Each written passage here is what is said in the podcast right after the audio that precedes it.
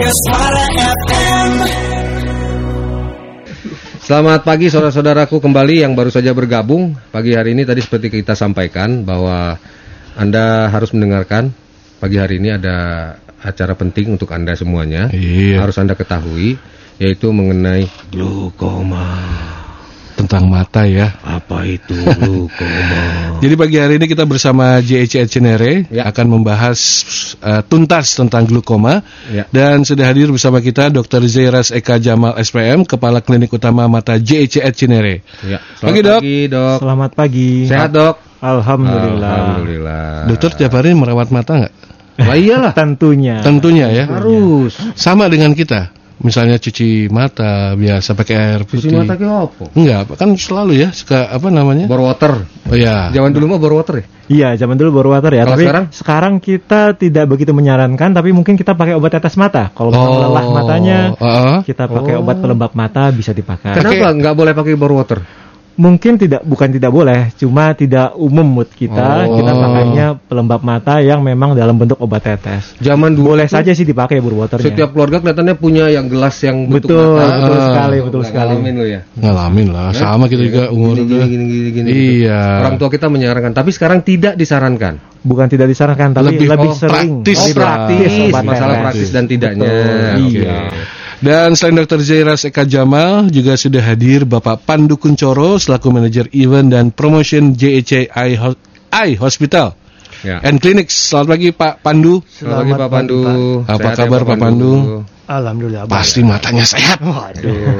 terima kasih, terima kasih. Nah pagi ini Pak eh, Dokter, Dr. Zairas kita bakal bicara soal glukoma. Betul. Ini di usia-usia waktu kita masih muda nggak pernah ini ya hanya denger aja ya. Tapi sekarang kok kayaknya kita mendekati ya. Enggak lu aja itu. Enggak gitu. Enggak masih muda gua. Glukoma. Glukoma. Ini apa sih glukoma, Glukoma ini? itu apa itu, Dok? Jadi glaukoma adalah suatu penyakit saraf mata di mana terjadi kerusakan saraf yang menyebabkan gangguan penglihatan dan bahkan kebutaan permanen ush, dan disebabkan dengan faktor resiko utamanya tekanan bola mata yang tinggi. tekanan bola mata yang tinggi. Betul. Mata stres. Betul. Atau gimana sih? Jadi Itu maksudnya? kita anggap bola mata itu seperti balon isi air. Betul. Bola isi air, jadi Ah. dia ada tekanannya. Nah, ah. Nah, tekan kan ada tuh kayak ada kerasnya itu. Ah. Normalnya tekanan bola mata 10 sampai 21. Apa ukurannya? Tekanan tekanannya kayak tekanan angin. Oh, 10, 21. Kayak ban kita kan ada tuh berapa Ah. berapa ukuran tekanan ban kita. Ah. Nah, pada mata tekanan normalnya 10 sampai 21 mm merkuri. Oh, milimeter merkuri. Pada pasien glaukoma tekanannya tinggi. Bisa Mencapai? sampai mencapai 80 mm merkuri. Matanya keras gitu. Keras sekali. Jadi kalau Oh. Anda mau mencoba nih ya, Anda tekan-tekan bola mata Anda kan kayaknya agak lunak lah ya. Ah. Nah, pada tekanan 80 tuh kayak batu. Jadi matanya terasa sakit, merah, Pusing, Dok. pusing, sakit kepala bisa sampai mual muntah. Wow. Itu merah.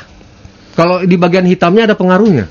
Ah, ada karena Yang tekanannya yang tinggi keras itu sekali. yang di hitamnya apa yang putihnya, Dok? semuanya. Oh, semuanya bola kita matanya. tekan Oh. Keras sekali, betul. Oke, oke. Dan karena saking kerasnya tekanan, bola mata yang hitam itu menjadi putih dan yang mata yang merah tuh, yang mata yang bagian putih menjadi merah dia. Lu kenapa ngeliatin gua? Enggak, gua. Enggak. Belum, belum. Jangan, jangan. Ini makanya Ya, kita ya. harapkan kita menjaga ini. Nah, sering disebut glukoma glukoma ini pencuri penglihatan. Memang dia bisa memang benar-benar Bikin buta. Betul, bisa bikin buta. Karena begini, tekanan yang tinggi itu menyebabkan adanya tekanan pada saraf.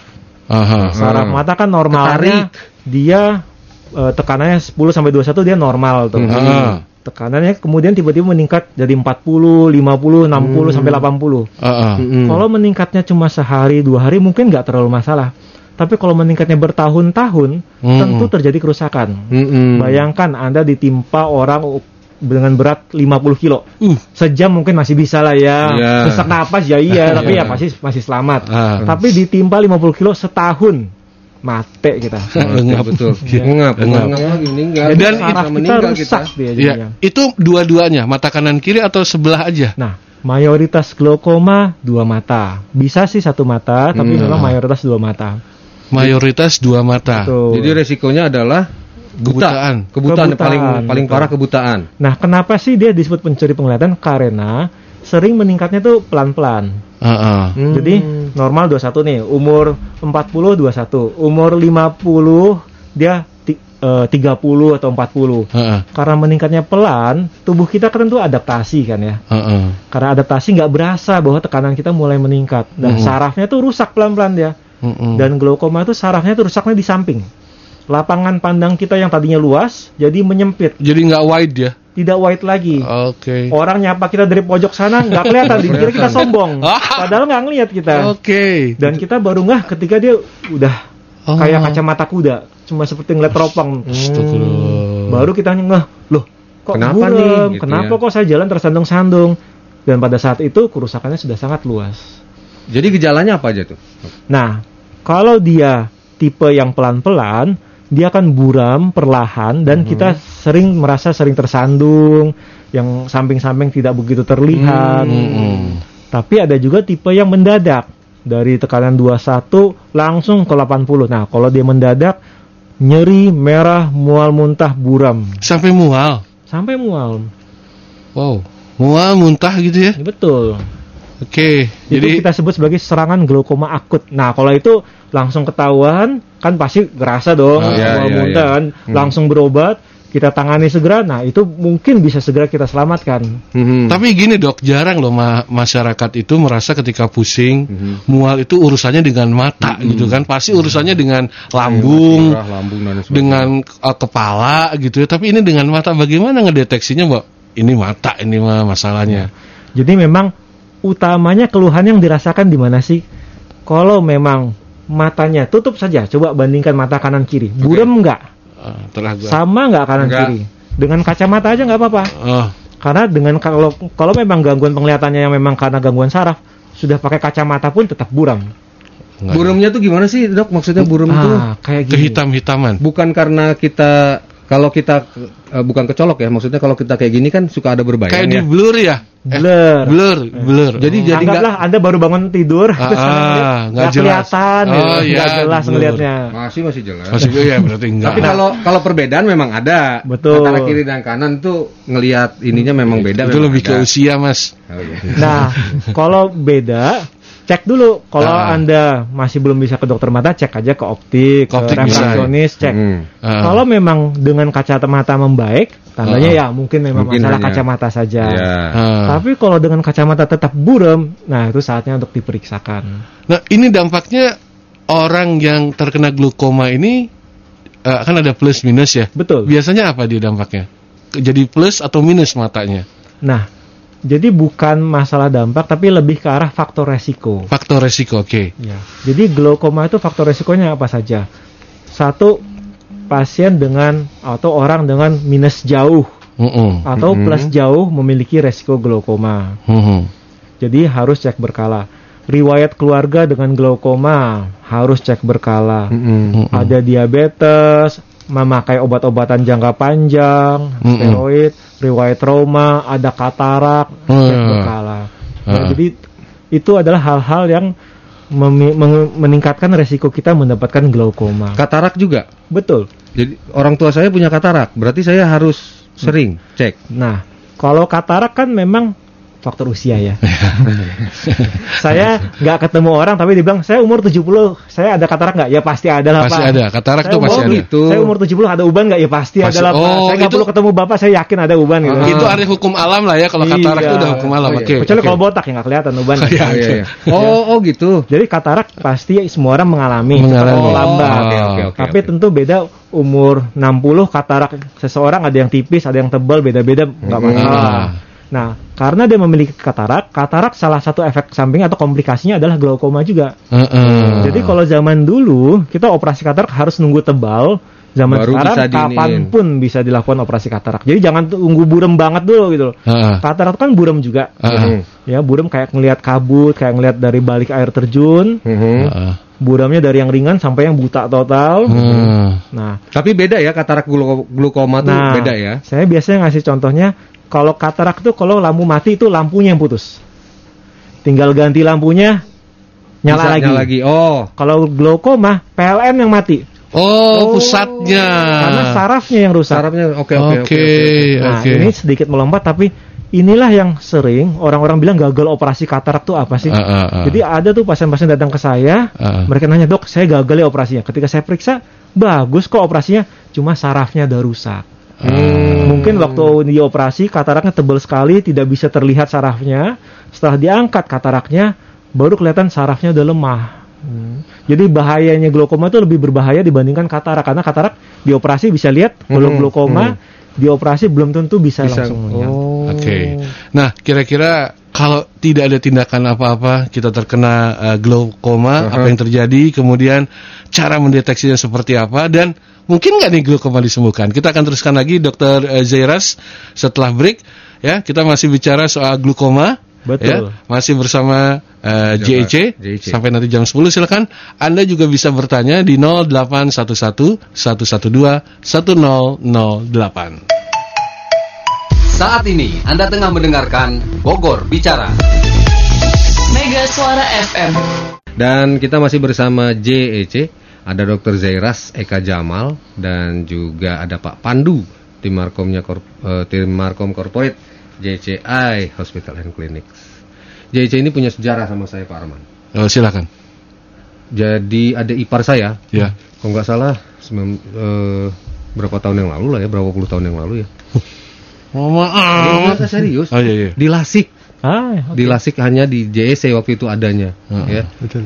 dan memang nggak lulus dia bukan karena masalah matanya tapi eh, hasilnya dari itu sampai sekarang dia nggak nggak kacamata lagi padahal minusnya sudah 8 Hmm. Hmm. waktu itu minusnya sudah 8 mau masuk akabri ya kan harus nggak boleh kan nggak boleh berkacamata Betul. kan Nggak boleh kacamata. minusnya sudah tinggi sekali kemudian akhirnya dilasik di JEC Maaf, Saya Mas, ingat di banget. Lasik itu apa? nah ini beda dengan dulu Oh ya, oke. Nanti aja lah ya, nanti aja. Nanti aja. di apa yang di lasik itu nggak tahu malah pokoknya ngomongin lasik minusnya hilang bener ya dok ya Betul, betul. Iya, nanti nanti aja kalau minus. ada waktu kita ke Pak Pa- eh, Pandu nanyain apa sih lasik gitu. oke siap Sekarang glaukoma dulu ya. ya ada berapa jenis glaukoma dok Baik, jadi kita bisa membedakan atau mengklasifikasikan glaukoma menjadi beberapa kelompok. Mhm. Kalau berdasarkan penyebabnya, kita bisa membaginya menjadi glaukoma primer atau sekunder. Mm-mm. Primer tuh biasanya bila kita tidak tahu secara pasti penyebabnya, curiga karena genetik. Hmm. Kalau sek- sekunder itu biasanya kalau kita udah tahu, misalkan sekunder akibat gula, Mm-mm. sekunder akibat katarak, akibat tekanan bola mata tinggi, akibat trauma atau akibat penyakit mata yang lainnya. Atau bisa juga kita bagi berdasarkan sudutnya, sudut Hmm. terbuka, sudut tertutup, Oh. dan berdasarkan usia. Glaukoma kongenital pada bayi yang baru lahir. Bayi bisa. Oh.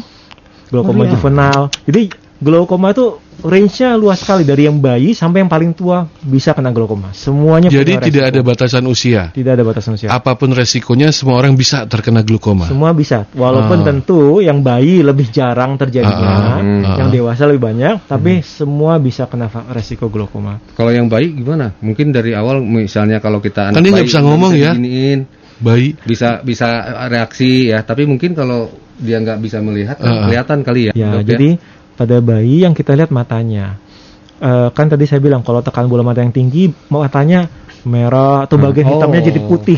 Oke, oke, Nah, oke, oke. biasanya pada bayi itu kelihatan tuh bagian hitamnya memutih, Uh-uh. eh, dia sering berair, Hmm. Terus ibunya mungkin menyadari kok anak saya nggak menatap saya, kok kontaknya Iya iya nggak iya ada. iya nah, itu Ah. salah satunya. Nah, itu segera periksakan.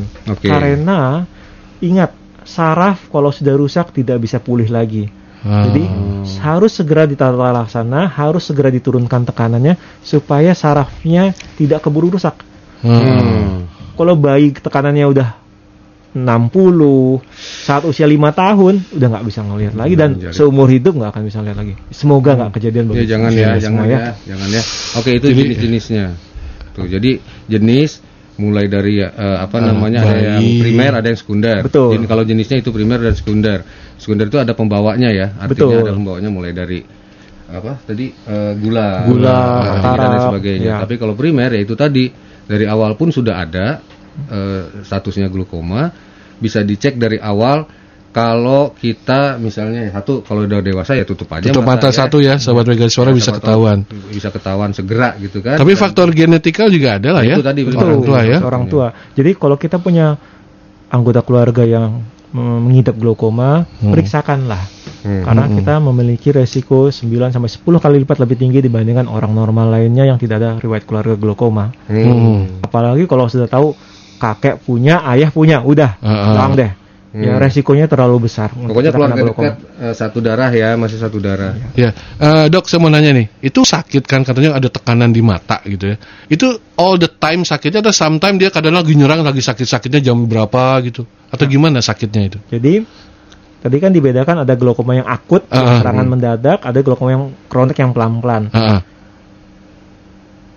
Gang akut itu biasanya sakitnya terus-menerus. sakit aja gitu? Oh. Selama tekanannya tetap tinggi, dia akan selalu kesakitan. Hmm, hmm. Ya. Dia akan selalu kesakitan Tapi bukan muntah. perih kan ya dok ya? Bukan, Bukan sakit. perih ya? Sakit Sakitnya aja gitu ya? muntah. Kayak Ah. matanya itu diteken-teken. Oke, gitu. oke. Ya. Tentu ada juga pasien-pasien yang datang, dok saya memang pegel-pegel matanya, Hmm. tapi saya habis depan laptop berjam-jam Hmm. gitu. Nah mungkin beda, Beda. ya. Tapi tentu kalau memang udah jangka waktu yang lama periksakan saja. Kita Ya. kan pernah Ah. tahu juga dan sekalian ya periksa kenapa sih matanya sering pegel. Siapa tahu butuh kacamata juga ya. Aha. Tapi periksakan matanya bila memang anda mem- memiliki keluhan. Oke, oke, ya. Kalau didiemin apa akibatnya dok? Nah, kalau tekanannya itu tinggi dalam jangka waktu yang lama, akan terjadi kerusakan pada saraf mata kita. Hmm, Dan saraf mata kalau sudah rusak ya, tidak bisa pulih Mhm. dan bisa menyebabkan gangguan penglihatan yang permanen. hmm, hmm. Hmm. Dua-duanya kanan kiri. jangan, bro. jangan jangan didiemin ya. Ya, jadi sahabat Mega Suara jangan didiemin nih kalau udah merasa udah terasa ada tekanan di mata. cenut-cenut ya dok, cenut-cenut bukan? Cenut-cenut, cenut-cenut gitu. Maksudnya kayak ada neken-neken-neken gitu. Pegel ya. Pegel. Lebih ke arah Oh, pegel, lebih ke arah iya. pegel. Tapi tidur normal, tidur mau. Ya tergantung. Kalau tekanannya masih bisa ditolerir, mungkin tidur masih bisa ya kita ya. Tapi kalau Hmm. tekanannya tinggi sekali ya tentu akan terganggu, nggak bisa tidur. Oh, Dan pada kondisi seperti itulah biasanya pasien akan datang ke dokter untuk memeriksakan karena dia udah nggak tahan lagi toh. oh oke Mm-mm. oke Dia oke. datang oke. periksa baru kita lihat, wah bu pak ini ada glaukoma harus segera diterapi. Intinya bisa disembuhkan glaukoma Nah. ini. Glaukoma tidak sembuh secara total, tapi kita kontrol. Ah. Artinya apa? Hmm. Karena faktor resiko utamanya adalah tekanan bola mata yang tinggi, maka kita berusaha menurunkan tekanan bola matanya ke tingkat yang lebih bisa ditolerir oleh mata Aha. dengan obat-obatan, laser ataupun operasi. Ya. Oke. Ya, jadi tadi kan saya bilang kalau katarak kita operasi kita berharap penglihatan bagus. Hmm. Kalau glaukoma kan operasi, tapi kalau sarafnya rusak susah. Susah Hmm. ya. Tapi pada glaukoma tujuan operasinya adalah menurunkan tekanan bola mata. Udah pakai obat nggak bisa turun, udah pakai laser nggak bisa turun. Dioperasi. Operasi untuk menurunkan tekanan bola mata dengan harapan kalau tekanan bola matanya turun, progresivitas sarafnya tidak merus tidak rusak eh, dengan cepat, jadi diperlambat. Ah, Selama ya. tekanannya tinggi, saraf rusak terus dong, Iya. lama-lama Hmm. makin gelap. Iya. Tapi Hmm. kalau tekanan bisa kita turunkan dengan operasi, harapannya tidak tambah jelek. Oke. Baik. Ini Ah. dari WhatsApp kita jawab Oh, ya, baik. Dok ya. Ada pertanyaan dari Ibu Yuli di Lido. Kang mau tanya sama dokternya. Eh, kalau untuk mata yang plus tinggi itu, maksudnya sampai plus berapa yang menjadikan kena glukoma? Baik, terima kasih Bu Yuli, Bu Yuli selamat pagi. Jadi sedikit mengenai masalah minus tinggi dan plus, Hmm, minus dan hmm. plus. Kenapa sih seseorang ada minus dan plus? Hmm. Minus itu biasanya akibat panjang bola mata yang lebih panjang dibanding normalnya. Plus, panjang bola mata lebih pendek dibanding normalnya. Kebalikannya. Ya kebalikannya. Oke. Nah, karena bola matanya lebih pendek, saluran di dalam bola matanya lebih sempit. Di dalam bola mata itu ada saluran air. Aha. ya kalau dia panjang kan kebuka tuh Ya. salurannya kalau Hmm. dia pendek salurannya agak lebih sempit Ya. Hmm. jadi dia memiliki resiko saluran tuh bisa menutup mendadak tekanan tinggi Hmm. ya jadi semua yang plus t- tidak terkait dengan eh, Usia. berapa banyak plusnya ya Oke oke. tapi tentu yang plus lebih tinggi kita lebih beresiko Ya. tapi Hmm. semua yang plus harus di screening Aha. untuk melihat apakah salurannya sudah cukup sempit sehingga memiliki resiko untuk terjadi glaukoma Oke. Ya, semoga terjawab ya Bu Yulia. Jadi Oke. kalau memang plus periksa saja Langsung periksa screening. ke JEC lah ya. Betul. Ah. Nggak usah nunggu plusnya tinggi Ah, atau. Anda menjadi bertambah tua. Oh jangan, tidak ada urusan dengan usia Eh, soalnya. plus itu usia ya? Plus enggak juga. Enggak juga. Kalau plus baca, plus baca, Oh, iya. ya usia. Kalau yang udah mulai jauh-jauh, Nah, ah. kalau udah mulai jauh-jauhin udah jelas itu. itu usia itu ya. Faktor U berperan. Faktor U. Kalau Bu Yuli ini kayaknya belum. Belum, ya. Belum ya Bu. Tapi karena sudah merasa punya plus, diperiksa sudah punya plus, tidak ada salahnya Bu dicek Iya. ya, datang langsung ke JEC Bu. Iya. Ya, untuk diperiksa. Bu Atin nih. selamat pagi. Dok mau tanya, anak saya perempuan umur 19 tahun. Matanya kan sudah min. Sudah ke dokter mata dan sudah beli kacamata. Tapi kalau kadang-kadang pakainya jadi sering pusing. Katanya nggak enak pakai kacamata. Ada alternatif lain nggak? Makasih. Baik. Jadi biasanya pusing apabila pakai kacamata tuh bisa beberapa hal penyebabnya. Satu, memang belum biasa. Aha. Hmm. Belum pernah pakai kacamata, suruh, suruh pakai kacamata kan tentu mungkin dia butuh Iya. adaptasi. Ya. Kedua, ukurannya mungkin belum sesuai. Hmm. Ya, mungkin perlu diperiksa lagi, siapa tahu udah berubah ukurannya. Oke.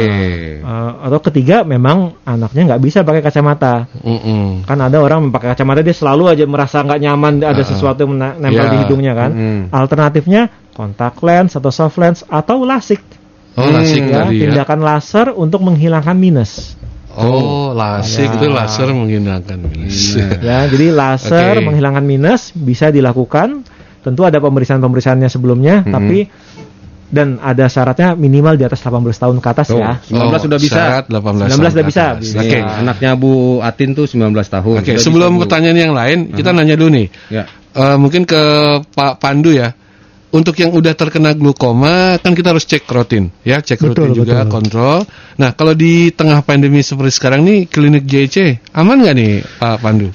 Oke, coba saya jawab ya. Ah, Di sini eh, kita di JSC ini sudah menerapkan protokol kesehatan yang sangat ketat di sini Ah. pasti ya. Aha. Dari yang ada screening screening yang masuk, kemudian screening suhu juga, kemudian diberikan masker apabila dia baru datang gitu kan. Ah. Misalnya datang nih ada ada yang pakai apa namanya masker scuba, kita berikan juga untuk masker yang medisnya. Medis, ah. Betul. Terus kemudian apabila eh, eh, kita bersihkan secara rutin dengan disinfektan. Aha. So far sih secara umum protokol sangat kita jaga. aha. Termasuk yang datang nanti yang nggak semua misalnya yang antar hanya boleh satu Satu satu, orang. orang. gitu itu semua kita jaga Ah, ah, untuk mengurangi eh, faktor-faktor yang mungkin akan beresiko. ah. Contohnya kan jadi nggak bisa social distancing kalau kebanyakan orang gitu Iya, kan. ah. Itu semua kita jaga. Kira-kira seperti itu sih ya. Oke, Dan Alat-alat periksanya? Aman ya? termasuk itu apalagi pasti steril iya, lah. apalagi itu ya. Ah, Hmm. Terus dokternya juga pasti pakai ini dong. Pasti, Pasti APD. untuk APD dokter lebih ketat lagi apalagi dokter ya. dokternya ber Dok ini, ini pasti pakai panas Pakai nggak, dok? Dok panas ya dok? Apa apa itu?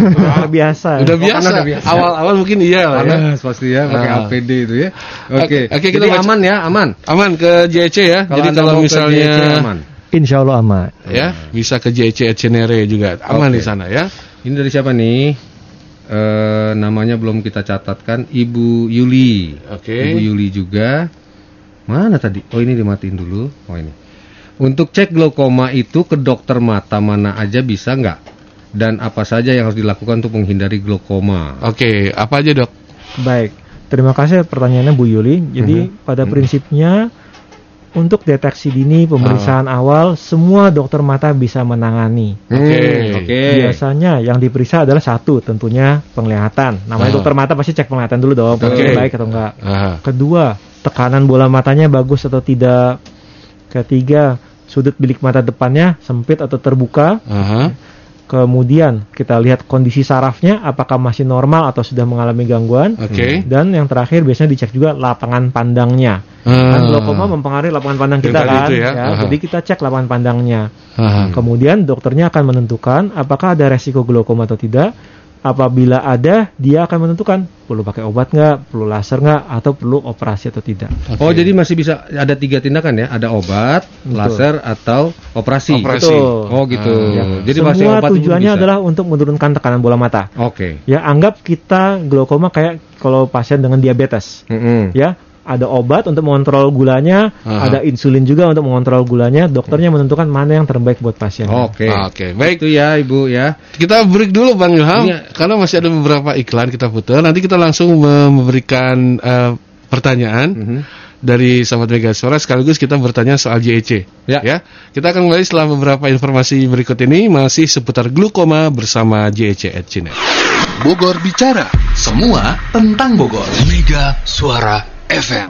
New Spirit 100,8 Mega Suara FM masih bersama JC at Cinere. Anda yang ingin bertanya juga boleh 0811-112-108. Sekarang saya ke Pak Pandu Pak Kuncoro, Pandu. Oke, selaku siap. manajer F- event dan promotion JEC Eye Hospital and Clinic. Ini tadi kita udah Terima bicara kasih. soal glukoma. Nah, kalau di JEC yang sangat concern pasti ya dengan glukoma. Sekarang ada program apa aja yang berlangsung di eh, JEC Cinere? Mulai dari pendaftarannya gimana? Ada paket-paket apa saja yang ada di JEC Cinere ini? Oke, saya coba jawab ya di sini. Eh, memang di JSC secara umum dan termasuk JSC at Cinere ya kita ini sangat concern dengan eh, glukoma itu, gitu Aha. kan. Kita punya concern yang tinggi untuk memerangi bahaya glukoma yang merupakan pencuri penglihatan kedua terbesar di dunia, sebenarnya gitu ya. Oke. Uh, dan kebetulan pun juga kita kan sebenarnya di bulan Maret ini ada yang namanya World Glaucoma Week Betul. di minggu kedua Ah. tiap bulan Maret gitu ya. Ah. Nah, kita punya uh, di bulan ini khusus di bulan ini aja sih di bulan lain nggak ada. Kita Aha. punya paket screening glukoma Aha. Yang uh, di sini cukup lengkap sih kalau kita kalau kita lihat ya Ah. dari pemeriksaan awalnya terus kemudian ada pemeriksaan luas lapang pandang karena kan memang kalau glukoma ini kan yang diserang luas lapang pandangnya ya Mm-mm. Lama-lama mengecil. lama-lama mengecil. mengecil ya ini yang kita semua sa- sering nggak sadar Hmm. makanya dibilang pencuri kan ya Hmm. terus kemudian eh, ada pemeriksaan juga tentang lapisan saraf matanya Saraf karena kan mata. saraf disinggung-singgung terus kan sama dokter Hmm, Deras ya Betul. Kemudian tekanannya juga eh, pasti kita periksa juga karena memang Hmm. tadi tekanan bisa kita rasakan tapi kalau pengen tahu ukuran resminya kan ya kita harus periksa gitu ya Betul. Itu kita lakukan nah di sini khusus di momen ini kita ada diskon 37 persen 37 persen. Iya, kebetulan juga kita pas lagi ulang tahun yang Yang ke-37 ketiga. Oh ya, gitu. selamat ulang tahun JC Sinere. Iya, sama-sama. Tiga Oh, puluh itu tahun JC bener secara umum sih sebenarnya. Puluhan tahun yang lalu benar berarti ya waktu periksa itu. Iya, ya? Oh, Oke. Jadi memang Udah sudah terpercaya lah Iya, 37 37 tahun ya. Udah berpengalaman JEC ini ya. Oke, dilanjut, Dok. Eh, Pak sorry Pak Pandu. Oke, kita lanjut dikit ya. Terus kemudian eh kalau tadi kan sempat saya kita singgung ya terkait dengan apa namanya safety issues-nya gitu kan Ah. terkait COVID ya. Aha. Eh ini kita berlakukan rata sih sebenarnya di semua JC. Semua JEC Karena sama kan ya. JC sendiri kalau kita lihat nggak cuman ada di apa namanya Jakarta ya, tapi Aha. di Cinere khusus kita kan dari JC Cinere datang Aha. ke sini khusus memberikan edukasi bagi masyarakat. Di sini eh, kalau kita lihat semua dokter sudah eh, melak- dokter dan semua karyawan nakesnya itu sudah melakukan vaksinasi. Tuh. Ah, Gitu. Sudah divaksin Sudah ya, divaksin, aman. lengkap. Aha. Hmm. Kemudian juga di unit kita juga kita sediapin yang namanya HEPA filter. HEPA filter. Iya, HEPA Oke. filter. Mungkin kalau bahasa simpelnya apa ya? Air purifier kali ya. Oh, air purifier air itu ya. Aha. Jadi pokoknya masuk ke eh, JC Sinere aman. Aman. Virusnya sudah- Insya Allah, insya Insya Allah. Allah Insya Allah aman, ya. sudah Dan yang ini. bisa bilang aman atau enggak yang di Ya. atas ya. Kita hanya berusaha gitu ya. Betul betul. Usahanya kan itu tadi. Usahanya maksimal, ikhtiarnya Udah maksimal, gitu ya. Siap. Oke, itu kali yang bisa saya sampaikan. ka- nah, Gimana, biaya apalagi? nih. Biaya nih Pak Pandu yang Masih bisa tercover BPJS atau gimana? Nah. BPJS. Apa aja yang dilayani BPJS? Oke, saya coba jawab ya. Kalau kita ngomong di JSS Cinere, alhamdulillah kita eh, bentuk concern kita terhadap layanan kesehatan mata adalah kita sudah melayani BPJS. Ah, ah. Hmm. Betul. Ah. Oke. Kalau ditanya sekarang eh, apa aja sih yang dilayani? Hampir semua keluhan terkait mata ya misalnya kayak ah. kondisi apa nama itu katarak, gitu ya. Katarak, oke. glukoma apalagi gitu kan. Kita Ah, ah. kita kita layani di sini. Mhm. Kemudian kalau ditanya lagi syaratnya apa sih gitu Mhm. kan? Ah, ah. Syaratnya apa apa untuk bisa mendapatkan layanan tersebut Yes. gitu kan? Eh, seperti biasa kayak eh, penggunaan BPJS biasa ya kita harus ada rujukan Vaskes satu dengan kemudian kita lampirkan kode Vaskes kita. Ah, Maksud, maksud kode Vaskes JC at Cinere. Oke. Di sini kode Vaskesnya saya boleh sebutin Boleh, boleh. boleh. di 0138 Ah, S010. Oke. Ini adalah eh, kode Vaskes JSC Cinere. Nanti kalau mau lebih detail, lebih jelas bisa cek di website JSC.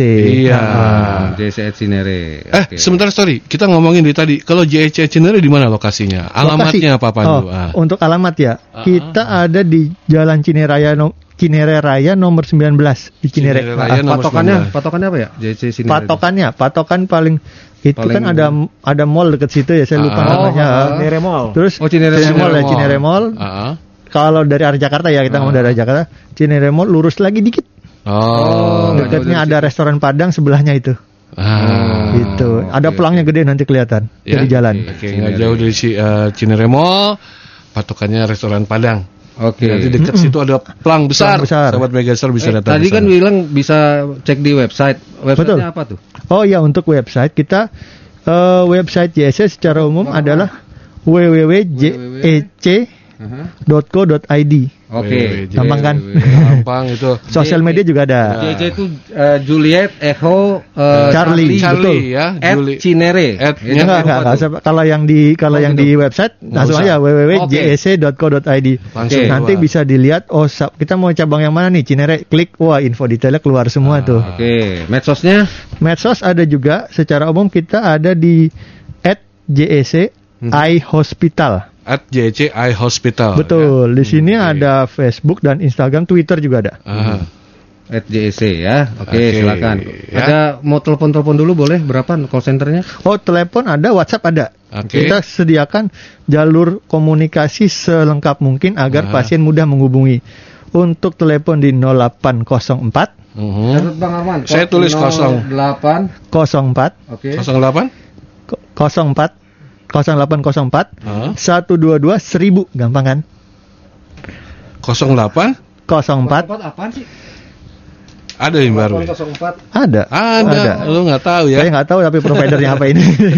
Ntar nyebut brand lain nih. Nah, ini nih. ya. 0804 122 1000. Gampang, eh. Oke. Gampang ya. Nah. 0804 sa- eh, 122 1000. 1000 betul. Ada lagi Pak Pandu? Ada WhatsApp. WhatsApp juga WhatsApp ada. di 0877 yang ditanya provider ya saya nggak Oke, tahu. siap.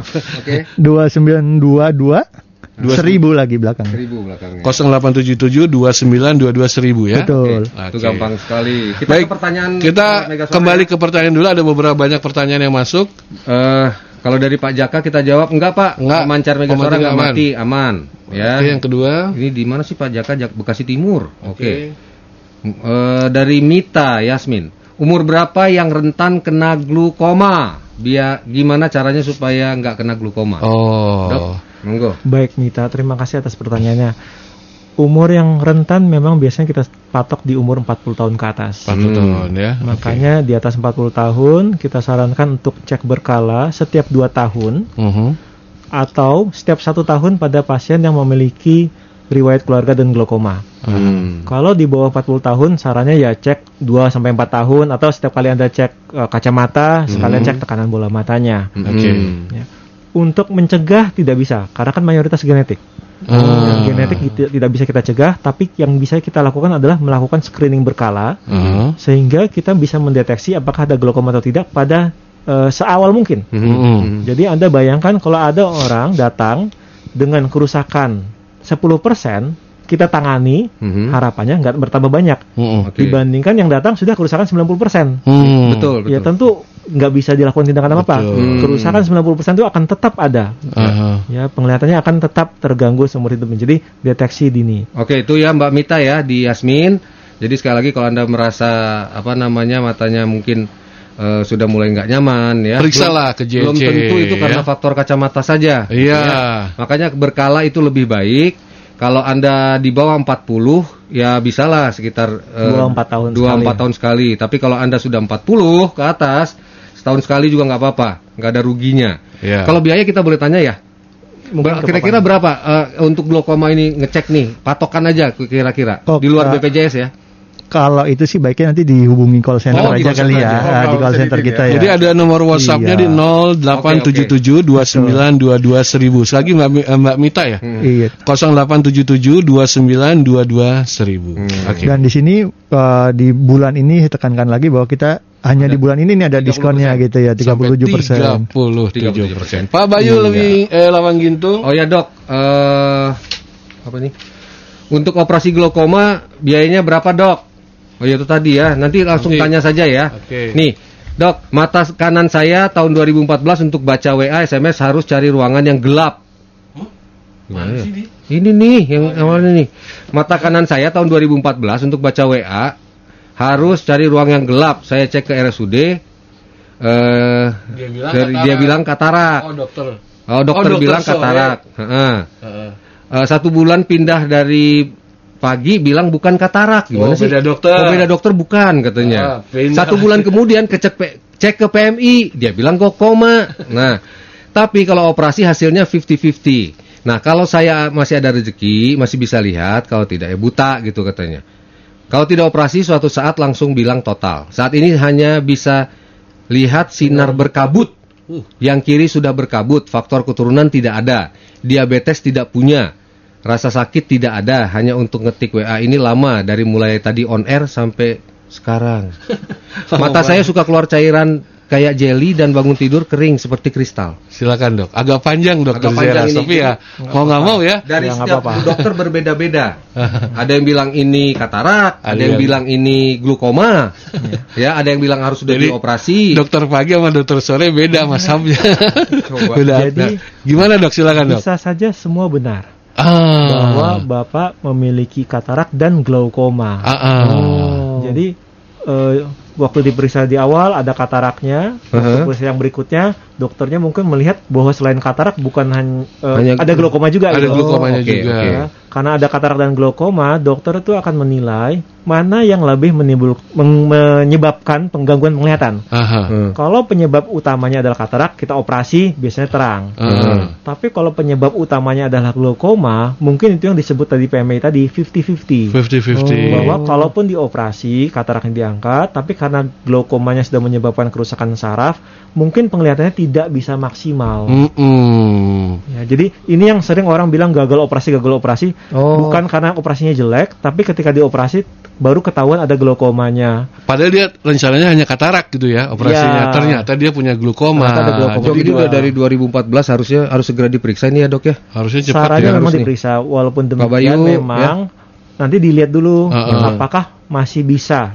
dibantu Uh-huh. atau memang sarafnya sudah sangat luas kerusakannya sehingga memang mungkin konservatif saja Ini- ya, Pak Bayu ya. Lihatnya juga udah berkabut. Terus kalau mata tuh suka keluar cairan jelly, bangun tidur kering seperti kristal dok. Karena kalau katarak semua tipe katarak bisa dioperasi. Oke. Tapi apakah bisa melihat atau tidaknya tergantung dari kondisi saraf matanya.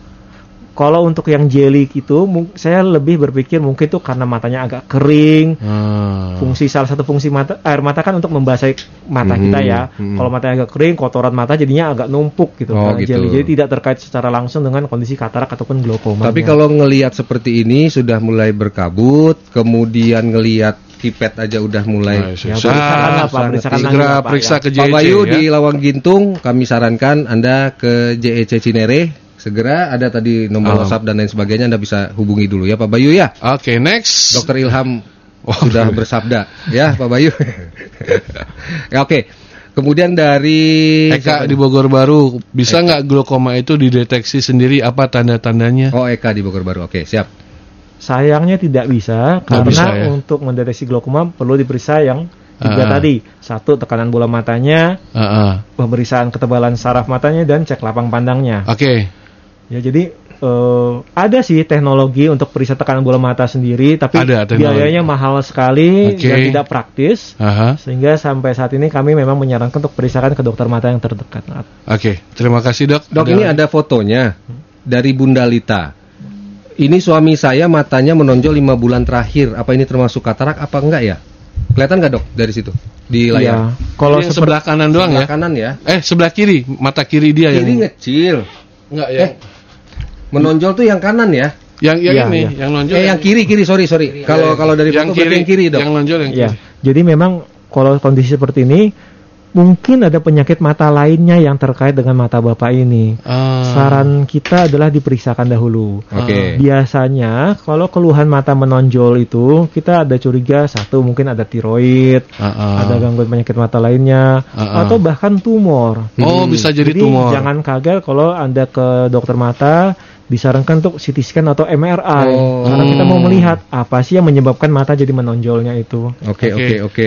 Terima kasih ya. Bu- eh, Bunda Lita segera ya. JEC at Sinere. Jadi Ah. bisa buka www de- eh, at JEC atau eh, kontaknya 0877 2922 Seribu. Gampang ya. Jadi eh, WhatsApp dulu silakan. Terima kasih Bunda Lita. Kemudian ini udah eh, siapa ini? Kalau malah ngasih tahu. Meningkatnya tekanan di dalam mata, tekanan indera. Baik.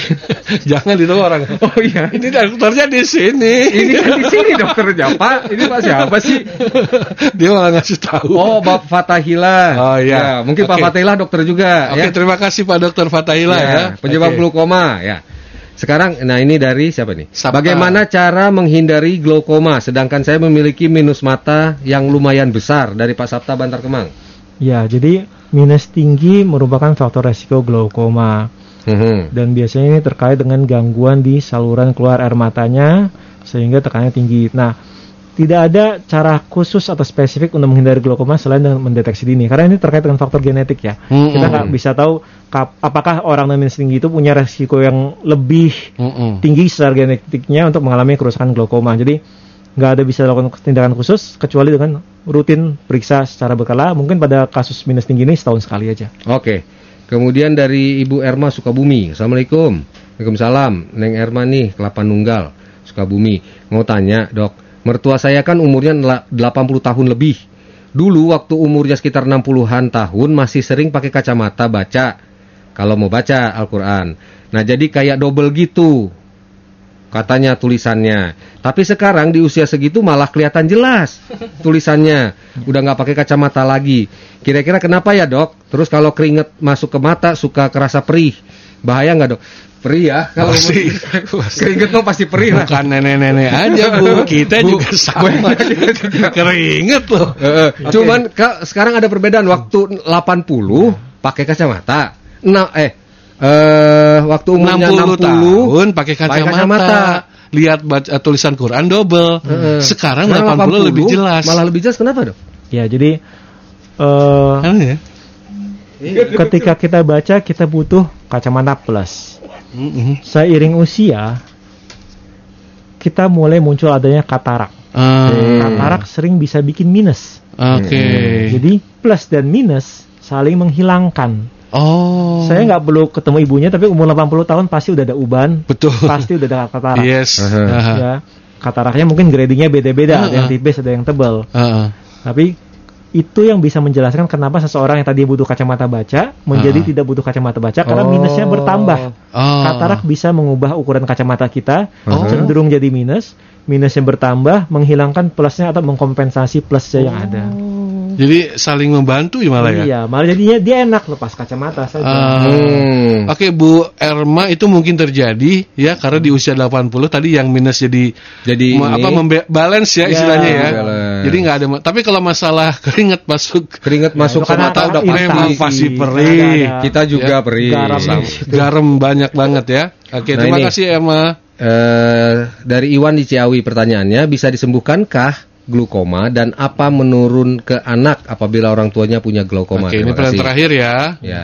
Jadi untuk glaukoma, saraf yang sudah rusak memang tidak bisa pulih kembali. Mhm. Yang kita lakukan adalah mengontrol tekanan bola matanya dengan harapan kalau tekanan bola matanya terkontrol, kerusakan atau progresivitas kerusakan sarafnya bisa kita hambat, Pak. Hmm. Ya, jadi dia tidak bertambah parah. Itu harapan kita, mempertahankan penglihatan yang masih ada Ah. supaya tidak bertambah rusak. Oke. Ah. Dan menurun, ya ada faktor resiko. Pasti menurun? Tidak. Oke. Belum tentu anak-anaknya pasti glaukoma, tapi Ya. resikonya lebih besar. Dan yang pasti penyakit glaukoma bukan hanya orang yang berkacamata kan? Tentu tidak. Semua orang Se- punya resiko. Walaupun dia merasa baca bagus, Betul. lihat bagus tapi bisa saja Betul. terkena glaukoma. Iya, betul. Oke, bukan yang berisiko orang menggunakan kacamata saja. Nah, kalau yang ini apakah menurun ke anak? Iya, Bisa bisa, jadi. bisa, Bisa jadi, jadi. tapi bukan berarti pasti anak-anak semuanya pasti glaukoma Iya, enggak ya. iya. Cuma Resikonya ada lah ya. Resikonya ada Lebih cuma jadi besar. berkala saja ya. Makanya kalau mungkin mengetahui orang tuanya punya glaukoma lebih baik diperiksakan secara Ya, rutin. setahun sekali aja. Lebih setahun, sekali, ya. minimal. Oke, baik. Gitu ya. Eh, sebelum kita akhiri ke terakhir ke Pak Pandu Kuncoro selaku Siap, manajer siap. Event event dan promotion JEC. Apa nih eh, yang akan disampaikan di eh, terakhir ini untuk eh, sahabat media yang ingin pertanyaan-pertanyaan ini. eh, langsung datang ke JEC? Oke, eh, saya coba jawab. Kalau kita ngomong terkait JC-nya dulu ya, JC Aha. secara besar ya. Kita memang saat ini eh, program yang ada di ini berlaku di seluruh JEC gitu Ya, kan. semua JEC. Semua JEC dan di sini eh, saya tambahkan di bulan ini dan sampai akhir April. Mhm. Ah, ah. ini berlaku di JSC dari di JSC Menteng, Jakarta ada banyak kita ada JSC Menteng, JSC Kedoya, JSC Tanjung Priok Primasana di situ ada Tanjung Priok ada dan klinik mata di di JSC Cinere pastinya kan. Aha. Di Cibubur ada juga, di Tambora, Bekasi juga ada. Aha. Kemudian di Semarang ada, Aha. Di Purwokerto ada dan juga Surabaya dan Makassar juga ada buat yang timur-timur nih gitu. Ah. Kita ada semua. Ya. Program ini berlaku juga di sana. Iya. gitu kira-kira. Jadi untuk anda yang di Bogor jangan ke yang Makassar ya. Jauh-jauh. Jangan. Yang ada Jauh aja. Cinere aja. Cinere aja. Untuk Jabodetabek, eh, Ah. untuk eh, Jawa Barat ya, kelihatannya Bogor, Sukabumi, kayak Bu Erma dan lain Hmm, sebagainya. Paling betul. dekat adalah Ah, Cinere. Cinere. Cinere, betul. Silakan. Jadi eh, JEC at Cinere, jangan lupa tuh. Nomor eh, Di WhatsApp-nya 0877 2922 1000 sekali lagi 0877 2922 1000. nanti saya kita kirimin deh ya. Yang tadi nanyain Ah, eh, nomor teleponnya supaya nanti nggak salah catat kita kirim balik deh nomor telepon eh, Iya, JC at nanti Cinere saya ya, miss call. WhatsApp-nya. Enggak, kita Oh. kita ketikin di sini. Oh iya, saya kira miss call. Makanya kita telepon satu-satu. Enggak ya? Kagak. Baik, terima kasih Dr. Jeras Kita Eka Jamal. SPM, Kepala Klinik Utama Mata JC Cinere sudah hadir dan memberikan pencerahan bagi sahabat Mega Suara yang bermasalah dengan mata khususnya glukoma. Semoga bermanfaat dan pasti bermanfaat. Terima kasih juga untuk Pak Pandu Kuncoro selaku manajer event and promotion Sama-sama. JCI terima Hospitals kasih. and Clinic. Sama-sama, Pak. Terima kasih. dan juga untuk sahabat Mega Suara yang sudah bertanya-tanya soal mata. Jangan jangan ragu untuk Aha. mengecekkan mata Anda ya. Iya. Ada nggak ada keluhan ya. Minimal minimal tuh setahun sekali kudu Hmm. ya. Banyak kalau loh masalah tidak- mata. Iya. Orang yang nggak bisa ngicep aja masalah kan? iya loh, bener loh. Ya, itu Asal nggak bisa ngicep. Ya? Nggak Iya, bisa yang ngicep tadi nggak bisa ini juga masalah. Jadi itu. banyak mata itu bukan hanya masalah tentang apa katarak saja. Mm. Ada glukoma, terus apa tadi laks. Tadi dia bilang Lasik, Lasik. lasik mah pengobatannya, Iya, John. lasik. Galak nih penyiar. Lu jangan masuk jadi Dok, penyiar. jangan masukin hati ya, Dok. Kita memang begini orangnya. Terima kasih banyak dok. Terima kasih Sama-sama, banyak terima Pak Pandu. juga. Sukses buat JEC. Kita ketemu lagi when waktu dan kesempatan. Assalamualaikum warahmatullahi wabarakatuh. Berbios.